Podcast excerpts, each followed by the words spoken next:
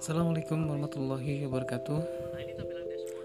Teman-teman yang dirahmati Allah Subhanahu wa taala.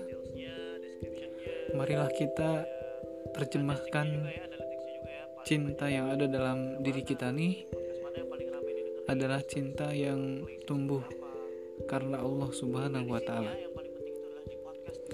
Karena cinta yang dibesarkan, yang ditumbuhkan, yang disirami dengan nutrisi yang diturunkan oleh Allah Subhanahu wa taala melalui Al-Qur'an dan sunnahnya maka cinta ini adalah cinta yang sejati yang akan sampai kepada Allah Subhanahu wa taala.